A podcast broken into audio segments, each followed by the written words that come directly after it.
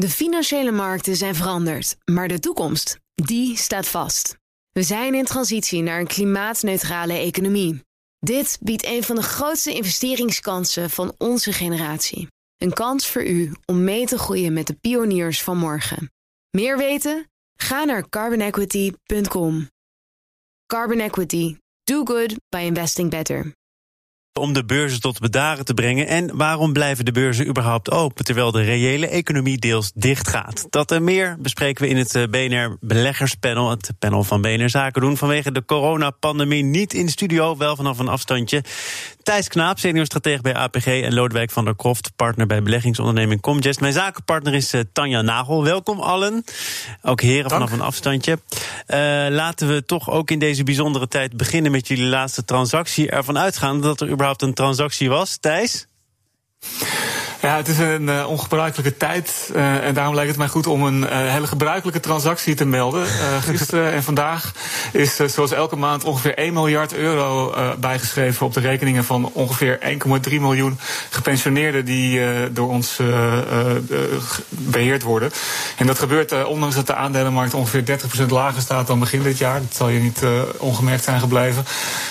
Ik, ik, denk dat het een groot voordeel is van de manier waarop we pensioenen in Nederland geregeld hebben. We isoleren op dit moment de gepensioneerden. En daarmee eigenlijk de hele Nederlandse economie van een best wel grote schok op financiële markten. Uh, dat kunnen we niet oneindig volhouden. Uh, maar de ervaring is gelukkig dat dit soort schokken vaak ook niet oneindig lang duurt. En wat we nu feitelijk doen is het spreiden in de tijd. Uh, we kunnen nu uitkeren, misschien moeten we later daar wat, wat voor, voor betalen. En daarmee dragen we een beetje, denk ik, bij aan de stabiliteit van het land. Thijs, dit is een hele uh, maatschappelijke boodschap van jou ineens. Ik dacht, nou, je hebt vast geïnvesteerd in een winkelcentrum of een spoorlijn of wat dan ook. Maar je dacht, ik gebruik dit moment ook even om iets anders over het voetlicht te brengen. Ja, het zijn feitelijk uh, natuurlijk transacties. Als wij premie innen, dan wel uh, pensioenen uitbetalen. En uh, ja, dat is net zo belangrijk als het kopen van winkelcentra. dat, dat ligt trouwens inderdaad even stil, daar had je wel gelijk in. Dat gebeurt niet zoveel op dit moment. maar het is met name wel het in de lucht houden van de essentiële infrastructuur. En daar horen maandelijkse betalingen ook bij. Snap je wel, want uh, pensioenfondsen die worden ook heel snel weer genoemd. Hè, als het uh, economisch minder gaat, als uh, de beurzen naar beneden gaan. En dan, dan hoor je berichten over dekkingsschade dat er toenemende zorgen zijn. Ja, absoluut. Want het is natuurlijk een enorme financiële klap voor elke belegger. Voor pensioenfondsen is dat niet anders. Uh, dus de, de, de activa kant van de balans is behoorlijk gekrompen. Uh, tegelijkertijd is de rente ook weer een stukje naar beneden gegaan sinds begin dit jaar. Dus voor de dekkingsgraden is dit heel, heel slecht.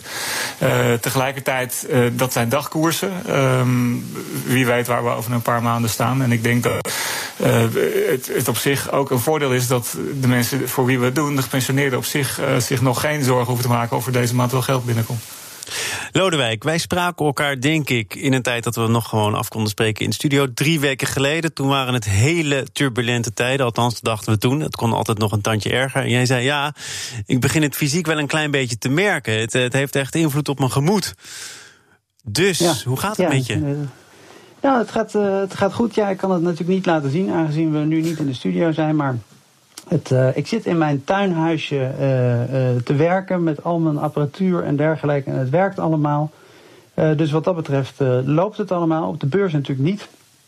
Um, gelukkig hoef ik nog niet met pensioen. En kan ik van dit soort dagen ook wel weer gebruik maken om mijn eigen pensioenpotje natuurlijk verder aan te vullen. Wat doe je dan bijvoorbeeld om, om ervoor te zorgen dat het potje goed gevuld raakt en blijft? Ik koop periodiek uh, bij en als koersen lager staan, koop je per saldo meer aandelen uh, voor hetzelfde bedrag. En uh, dat is de strategie. En als Comgest proberen we binnen onze portefeuilles op dit moment, daar waar mogelijk, de kwaliteit van de portefeuilles nog verder te verbeteren. Als we de indruk hebben dat bepaalde namen die wij kwalitatief hoogwaardig achten, toch hard zijn afgestraft de afgelopen periode. Hmm. En kun je die namen met ons delen of niet? Nou ja, in, in algemene zin uh, voor de Nederlandse markt kan je zeggen dat we bijvoorbeeld kijken naar bedrijven als Heineken en Adyen. Waarvan we misschien in het verleden vonden dat het vrij duur was geworden. Maar met de huidige koerscorrectie begint het wat meer bij ja, de waarderingsniveaus te komen die wij de moeite waard vinden. Alleen dan moet je wel even over de huidige periode heen kijken. Want op dit moment zit er natuurlijk niemand op het terras een biertje te drinken. Nee. Maar als je ervan uitgaat dat uiteindelijk we dit ook allemaal weer gaan overleven, dan, dan zou dat toch eigenlijk wel weer goed moeten komen met Heineken. Je schetst net het beeld van hoe jij daar in dat tuinhuisje zit en alles doet het. is je werkdag toch wel heel anders nu, of niet?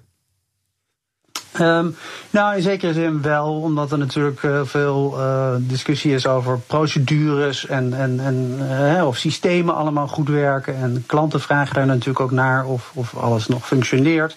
Of de portfolio managers elkaar nog wel allemaal kunnen bereiken. Dus het zijn eigenlijk dat soort infrastructurele vraagstukken. Heb je, heb je last van haperingen? Of komen die vragen eigenlijk helemaal nergens vandaan? En, en, en, is er weinig discussie over of die systemen het allemaal doen, of jullie elkaar nog treffen? Of, of kom je nou, tot dingen tegen? Van de de, het voordeel van de financiële sector, en dat is dan misschien tevens ook weer een nadeel van tijd tot tijd, is dat we zoveel toezicht hebben.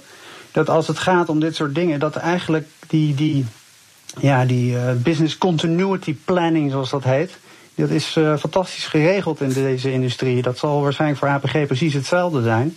Uh, ja, de toezichthouder mhm. heeft al jarenlang gehamerd op allerlei checks en balances. En dat betekent ook dat je in dit soort situaties vanuit huis moet kunnen werken. Thijs?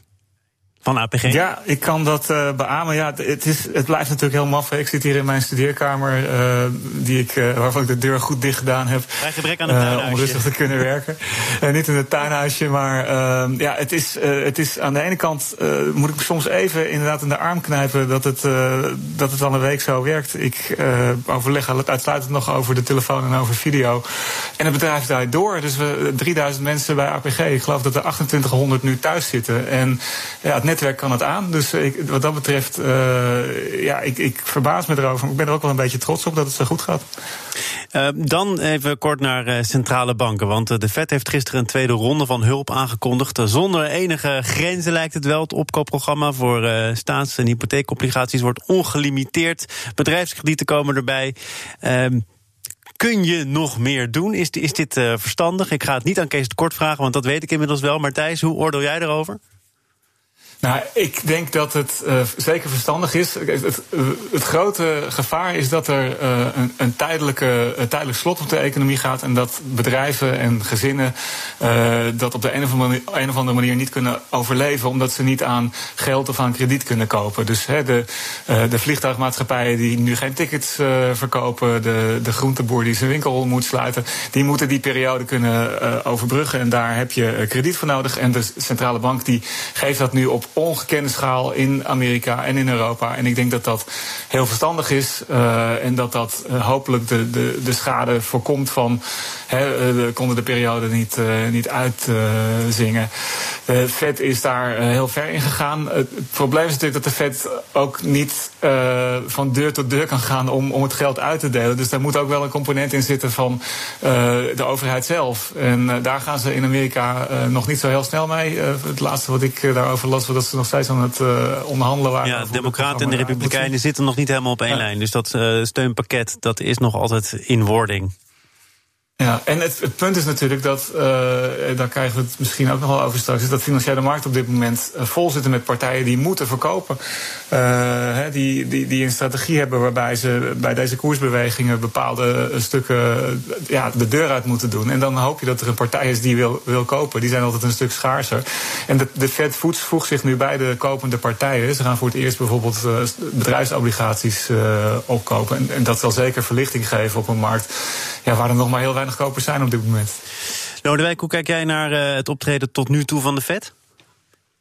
Maar ik denk dat uh, centrale banken in zijn algemeen en de Fed in het bijzonder uh, haar verantwoordelijkheid neemt. alleen ja, dit gaat natuurlijk. Ja, dat is meer de, de, de problemen op de kapitaalmarkten moeten zij oplossen. Maar de, de grotere structurele problemen moeten van de politiek natuurlijk komen. En het is jammer dat het Amerikaans congres natuurlijk wat dat betreft. Ja, ook politiek bedrijft op dit moment. Uh, en wat dat betreft zitten we misschien in uh, de Europese situatie ook wat beter als het gaat om de arbeidsmarkt. Maar hoe kijken jullie dan aan tegen die bedragen die genoeg, genoemd worden bij de Fed? Die ze ja, dat zijn enorme bedragen, hè? Ja, het klinkt enorm, maar je kan er ook zomaar doorheen zijn, volgens mij. Nou, het grote voordeel van de vet is dat ze het geld zelf uh, maken. Ja, we vallen elkaar een beetje in de reden. Ik, ik maak het af en dan laat ik Lodewijk aan het woord. Het, het voordeel is dat de vet zelf uh, het geld maakt feitelijk. Hè. Dus die, die kan oneindig uh, financieren. En dat, ja, dat, is, dat kan dus niet het probleem zijn. Het, het, het punt is dat tot welk niveau is het politiek houdbaar. Nou, daar is op dit moment zijn de grenzen erg ver opgeschoven. Hè, dus dat is, uh, dat, dat is ook niet zo'n belemmering.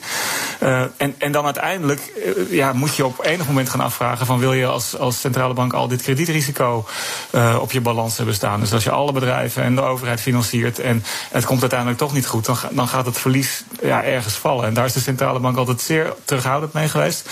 Nu een stuk minder. ik denk dat dat goed is. maar uiteindelijk komt dat natuurlijk ook in beeld. Ja, ja want Lodewijk, je mag zo meteen uh, Thijs aanvullen hoor. Maar inderdaad, dat is toch ook een risico waar uh, terecht ook de afgelopen tijd met wat enige terughoudendheid. ja, dat risico is niet genomen. Hè, wat je zegt, als het niet goed komt, dan zit je ermee. Thijs, als. Uh, ja, nou, toch wel. Wat, ja, wat je net zei. zeggen, sorry, uh, Thomas. Ja, nee, dat is waar. En dat is altijd een grote uh, een reden geweest voor de, voor de centrale bank om niet blind alles te kopen. Hè. Tot dusver heeft de, de Fed alleen overheidsobligaties opgekocht en mortgage-backed securities, dus, dus verpakte hypotheken. ja, nu gaan ze dus ook de kredietrisico lopen. Ik denk terecht, hè, je kan op dit moment de markt ook niet helemaal op, aan zichzelf overlaten. Maar als je nou vraagt, zijn de bedragen groot genoeg? Dan zeg ik, ja, die, die zijn in principe oneindig, dus dat is het probleem niet. Uh, de, de afruil die zit hem op het punt dat je zegt van wanneer wil je stoppen met, eh, met, met extra risico op je balans nemen? Wanneer is dat niet meer politiek acceptabel? Nou, daar zijn we nog lang niet, denk ik. Uh, maar dat, dat, je kan je voorstellen als het heel lang duurt, dat je daar op een gegeven moment tegen de, de grens aanloopt. Ja, Lodewijk, dus in principe oneindig. want ja, daar gaat de Fed zelf over, maar politiek gezien een risico. Ja, absoluut. En uh, jammer is natuurlijk dat we al twaalf jaar lang eigenlijk in handen van centrale banken zijn als kapitaalmarkt. En dat uh, die invloed uh, met deze situatie natuurlijk alleen maar verder is toegenomen. want die centrale bank die had zich in de afgelopen Nou, die centrale banken die hebben natuurlijk. Ja, die, die kapitaalmarkten zijn, worden natuurlijk al heel lang aan een soort van infuus gehouden. Als we kijken naar de tienjaarsrente in Europa. Ja, wordt die toch ook in belangrijke mate bepaald door het opkoopprogramma van de Europese Centrale Bank. Heeft zeker daar invloed op. Um, en dat heeft weer invloed op uh, de bereidheid van beleggers om risicovolle aandelen, uh, risicovolle te gaan beleggen en dus in aandelen te gaan. En vervolgens krijgt uh, alles en iedereen krijgt natuurlijk een ongelofelijke klap te verwerken. Ja. En dan is de vraag natuurlijk of mensen het zitvlees hebben om die 30% koersdaling die we hebben gezien year to date in Europa, om dat ja, weer eh, dat herstel ook weer mee te maken. En je noemt eh, de ECB, ook daar natuurlijk eh, nieuws van het front. 750 miljard euro aan een opkoopprogramma. Een opkoopprogramma met als belangrijke kenmerken groot, flexibel en ook met een open einde. En, en wat er misschien ook opvallend aan is, dat de ECB niet hoeft vast te houden aan een vaste verdeling met een vast bedrag per land. Dat was vooralsnog wel zo. Lodewijk, wat zijn daar de grote voordelen van in deze situatie? Nou, de, de problemen die de ECB op een gegeven moment had, was dat ze al aan het plafond zat voor wat betreft eh, de opkoop van Duitse staatsobligaties, wat ik heb begrepen. Ja. En als je moet vasthouden aan een bepaalde verdeelsleutel en je zit aan je maximum in een van die deelgebieden, dan kan je ook niet bijkopen in de landen die het op dit moment uh, harder nodig hebben. En dan hebben we het met name over Italië. En dat probleem is hiermee uh, opgelost. Ik heb wel begrepen dat, uh, dat uh, wat er nu dus mogelijk is, dat dat een overtreding is van de eigen regels. En dat als dit eenmaal achter de rug is, dat de ECB zich daar dan misschien voor moet verantwoorden, Thijs. Ja, die regels die stellen ze zelf op. Uh, en dat, uh, ja, dat betekent dus ook dat er volgt geen boete of zo voor de ECB. Maar het, ja, het zet het, uh, het hek open voor, voor, voor verder beleid. En dat is natuurlijk het, waar mensen zich misschien wel zorgen over maken. Die zelf opgelegde regels zorgen er ook voor dat je in ieder geval niet beschuldigd kan worden van het bevoordelen van landen met een hele grote schuld. Je kan heel veel obligaties van Italië opkopen, want er zijn er heel veel van. en dat is misschien het belonen van, van slecht gedrag. Nou ja, door, door die regels uh, te handhaven heeft, de ECB er altijd voor gezorgd dat, dat, niet, dat ze dat niet aangevreven kon worden. Ja, opnieuw is dat een politiek risico. Voorlopig zal niemand daar boos om worden. Maar op termijn ja, zullen er altijd weer mensen zijn die zeggen: ja, wat is dit nou? we gaan één land meer helpen dan het andere. Dat was niet de bedoeling. Moet je er wel eigenlijk een, een einde aan stellen? Want ik zei het al, het heeft nu een open einde. Er is geen termijn afgesproken. En mocht het nodig zijn, dan kun je het altijd nog verlengen. Um, is dat in deze situatie ook goed? Of juist toch ook, ook een hek openzetten? Of in ieder geval het einde openzetten, Lodewijk? Nou, ik denk dat de markt een uh, signaal wil hebben dat uh, all-in, zoals de uh, centrale bank in Amerika, whatever it takes van Mario Draghi, dat is wat markten op dit moment willen horen. En uh, dat koopt in ieder geval wat tijd om uh, te wachten op beter nieuws als het gaat om het coronavirus zelf. Want uiteindelijk moeten we daar beter nieuws over horen voordat markten echt uh, weer kunnen herstellen. Ja. We zitten in het beleggerspanel vanuit zijn tuinhuisje Lodewijk van der Kroft van Comgest en Thijs Knaap. Gewoon thuis, net als 2800 andere medewerkers van APG. Hij is de senior stratege. En we gaan het hebben over een, ja, een beurs die misschien wel gesloten moet worden. Die oproep kwam onder andere van Han de Jong. Hij is oud-hoofdeconoom van ABN AMRO. Zat hier ook in het economenpanel. En hij zegt, ja, de financiële markten die blijven open... terwijl een deel van de reële economie dicht gaat. Zou de beurs dat voorbeeld niet moeten volgen? Want het is allemaal zo volatiel, het is allemaal zo gericht op paniek. Hier heeft niemand baat bij. Thijs, kun je dat volgen? Ik kan het volgen en ik heb wel enige sympathie voor het idee dat je uh, toch een hoop mensen behoedt voor uh, ja, beslissingen waar ze misschien later spijt van krijgen. Toch denk ik niet dat het een goed idee is. Uh, ten eerste, je kan de economie niet stopzetten. Hè. De, de, de, reële economie is wat het is. En de beurs is daar een, een afspiegeling van. En als je de beurs dichtzet, ja, dan, dan de, de, situatie in de economie wordt er niet beter van. En ten tweede, die beurs heeft wel een functie. En financiële markten in het algemeen, uh, daar, uh, daar moet een hoop gebeuren. Als ik alleen al naar onszelf kijk. Wij krijgen maandelijks een enorm bedrag aan premie binnen. We moeten ook een enorm bedrag aan pensioenen uitbetalen. We hebben allerlei strategieën, hedges, die, we, die we moeten verlengen. Als de markten dicht gaan, dan kunnen we gewoon ons werk niet meer doen. En ik denk, wij zijn een hele grote partij, maar ik denk dat het voor heel veel andere partijen ook, ook geldt. Dus het, het lijkt mij een uh, onwenselijk idee om, dat, uh, om de markt te dichten. Zou je dan wel extra regels moeten hebben of zo? Zoals? Ja, ik weet niet. Ik zit nou na te denken. Er gebeuren nu natuurlijk ook dingen. Hè? Triodos gisteren die dan uh, hun certificatenhandel stillegt. Uh, waar, waar um, dan ook heel geschrokken op reageert. Moet je, moet je dan ook zien te voorkomen dat uh, dat soort acties kunnen plaatsvinden. Uiteindelijk kunnen ze dat natuurlijk gewoon zelf bepalen. Maar dat creëert natuurlijk ja. ook enorme onrust. Ja, hier is wel het verschil tussen zeg maar, de gereguleerde markt, zoals de aandelenbeurs of de, ja, de obligatiemarkt. En, de, en, en, en zo'n zo zo bank met, met zijn eigen certificaten, die kunnen feitelijk doen wat ze willen. En dat, dat zal ook wel in de voorwaarden staan dat ze dat kunnen doen. Uh, maar het stilleggen van markten betekent feitelijk dat er iemand is die wil kopen, iemand die wil verkopen, maar het mag toch niet, uh, omdat de markt uh, dicht is. Kijk, er zijn wel regels. Wat je de laatste dagen heel veel ziet, is dat er bepaalde maxima en minima aan, aan koersuitslagen geraakt worden. En de aandelenbeurs mag niet meer dan 5% dalen bijvoorbeeld. En dan wordt de handel 15 minuten stilgelegd om iedereen even te laten afkoelen. Dat is prima. Daarmee voorkom je dat er, dat er hele gekke uh, dingen gebeuren in hele korte tijdsperiodes. Maar om de handel helemaal stil te leggen, dat, uh, ja, dat brengt mensen feitelijk nog meer in de problemen dan als je het door zou laten gaan. Vanuit het tuinhuis, graag de reactie van uh, Lodewijk. nou ja, het probleem in de markt is op dit moment een gebrek aan uh, liquiditeit en uh, solvabiliteit die daar weer uit voortvloeit. En op het moment dat je natuurlijk markten sluit, dan creëer je uh, onherroepelijk ergens anders weer een probleem. Dus ik ben het helemaal eens met het met de opmerking uh, van, uh, van Thijs dat het uh, verstandig is om die markt open te laten. En dat er verschillende manieren zijn om te irrationeel gedrag op die markten enigszins te beperken.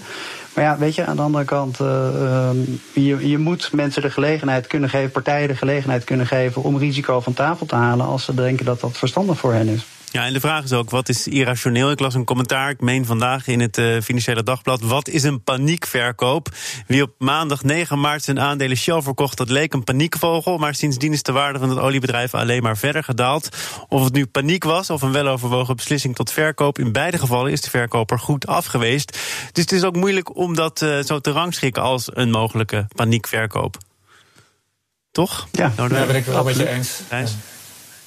Ja, nee, ik ben het wel met je eens. Je noemde net al de Filipijnen, dat is wel een aardig uh, praktijkvoorbeeld. Daar uh, zijn uh, twee dagen is de beurs dicht geweest, begin de 16e, dus dat is alweer bij een week geleden. Ook met het idee van, nou, dan kunnen mensen even afkoelen.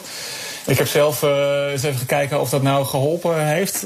Als je de Filipijnen naast bijvoorbeeld Maleisië legt, een buurland waar de beurs wel open bleef, dan zie je feitelijk dat het de situatie alleen maar verergerd heeft. Dus toen de beurs weer open ging in de Filipijnen, toen zakte de index veel harder dan die in Maleisië ooit gedaan heeft. En vooral in de eerste uren, omdat er zoveel verkooporders opgespaard waren van mensen die, die heel graag van hun stukken af wilden. Ik denk niet dat die mensen uiteindelijk gediend zijn geweest met het sluiten van de beurs. Die hebben alleen maar een slechtere prijs uh, gekregen. Ja. Dus nee, het lijkt me een slecht idee. Maar ik, ik, wil toch nog even opnemen voor Han de Jong, ook door zijn woorden te gebruiken. En dan toch even kijken hoe jullie daar uh, tegenaan kijken. Want hij zegt: de verhoogde bewegelijkheid van de beurzen draagt alleen maar bij aan de verergering van problemen. Het duwt aandelen naar beneden, terwijl het met de onderliggende prestaties van bedrijven niet veel meer van doen heeft. En Lodewijk, dat komt eigenlijk ook een beetje neer op wat jij nu al zegt. Hè. Er zijn bedrijven die gewoon heel hard worden afgestraft, terwijl het met die bedrijven zelf misschien niet eens heel slecht gaat. Ja, nee, dat is absoluut waar. Daar heeft uh, Han natuurlijk een, eh, een punt. Hè, wat dat betreft zijn die koersen niet noodzakelijkerwijs een weerspiegeling van wat er fundamenteel uh, met die bedrijven over vijf jaar precies staat te gebeuren. En maar zijn het allemaal dagkoersen. En die dagkoersen ja, die worden beïnvloed door allerlei factoren. En sentiment is er daar één van. En, en, ja, als er slecht nieuws vandaag komt, dan gaan koersen onderuit. Maar dat zegt natuurlijk helemaal niets over de, ja, mogelijkheid van herstel die ondernemingen uiteindelijk weer na deze periode door kunnen maken. Dus er wordt natuurlijk ja, heel veel nadruk gelegd op dit moment op het negatieve nieuws van vandaag de dag. Maar als we een jaar verder zijn, ja, dan is natuurlijk de vraag of uh, de, de paniek die, die nu hoogtij viert, of die uh, uiteindelijk terecht is gebleken. En um, ja, ik zit in het kamp van de optimisten die ervan uitgaat dat dat uh, uiteindelijk mee gaat vallen allemaal. Ik wil nog even naar een, eh, een tussenmaatregel. Die uh, wordt geopperd door de Amerikaanse minister van Financiën, uh, Steven Mnuchin. Ik heb ooit geoefend op zijn uitspraak. Ik weet niet of dat nu zijn vrucht uh, afwerpt. Maar die zegt: uh, Wij geloven in het openhouden van de markt. Maar het zou ook zo kunnen zijn dat er een moment komt om de beursuren te verkorten. zou dat dan het redelijke midden zijn? Thijs? Ik, ja, ik vraag me af. Uh, dus, op zich is dat geen slecht idee. Hè? Dat, dat ook al voordat we met deze uh, crisis te maken hadden, ging dat idee er rond. Omdat die markten gewoon heel lang open zijn, elke dag. En die laatste paar uurtjes creëren niet extra liquiditeit. eigenlijk is dat alleen maar duur. Omdat je meer mensen achter de terminals nodig hebt om de hele dag te bestrijken. Dus ik ben daar sowieso voor. Niet alleen als crisismaatregel, maar ik denk dat dat een prima idee is. Het idee is ook dat je dan uh, het werk aantrekkelijker maakt voor een heleboel mensen die misschien niet uh, eh, 12 uur per dag willen werken op, uh, achter een beeldscherm. Ah, en Thijs, jij bent binnenkort verlost, want er belt nu iemand aan. Je moet toch open ja, doen ik nu. af wie het is. Ja. nee, nee, ik laat hem even wachten, denk ik. Oké, okay, nou, het, het, hoeft eigenlijk niet, want we zijn uh, aan het einde gekomen van dit panel. Ja. Ik dank jullie voor jullie, uh, voor jullie bijdrage. Thijs Knaap um, thuis gaat nu binnenkort, zeer binnenkort open doen. Senior stratege bij APG. En Lodewijk van der Kroft, partner bij beleggingsonderneming Comgest. Tot een volgende keer, hopelijk in de studio. En nu al in de studio, en ik was er blij mee op mijn verjaardag. Tanja Nagel. Het was gezellig, dank ook, je wel, uh, Tot de volgende keer. Uh, morgen dan is er weer een uitzending van BNR Zaken doen. En dan spreek ik Richard Blikman. Hij is de topman van Bezi. Dat is een bedrijf dat machines maakt voor de chipindustrie. Welke gevolgen ziet hij op dit moment van die wereldwijde recessie? Dat en meer morgen in BNR Zaken doen. Zometeen eerst Nieuwsroom, onze dagelijkse podcast van het FD en BNR. Gepresenteerd door Mark Beekhuis. Veel plezier, tot morgen. De financiële markten zijn veranderd, maar de toekomst, die staat vast. We zijn in transitie naar een klimaatneutrale economie. Dit biedt een van de grootste investeringskansen van onze generatie. Een kans voor u om mee te groeien met de klimaatoplossingen van morgen. Meer weten? Ga naar carbonequity.com. Carbon Equity. Do good by investing better.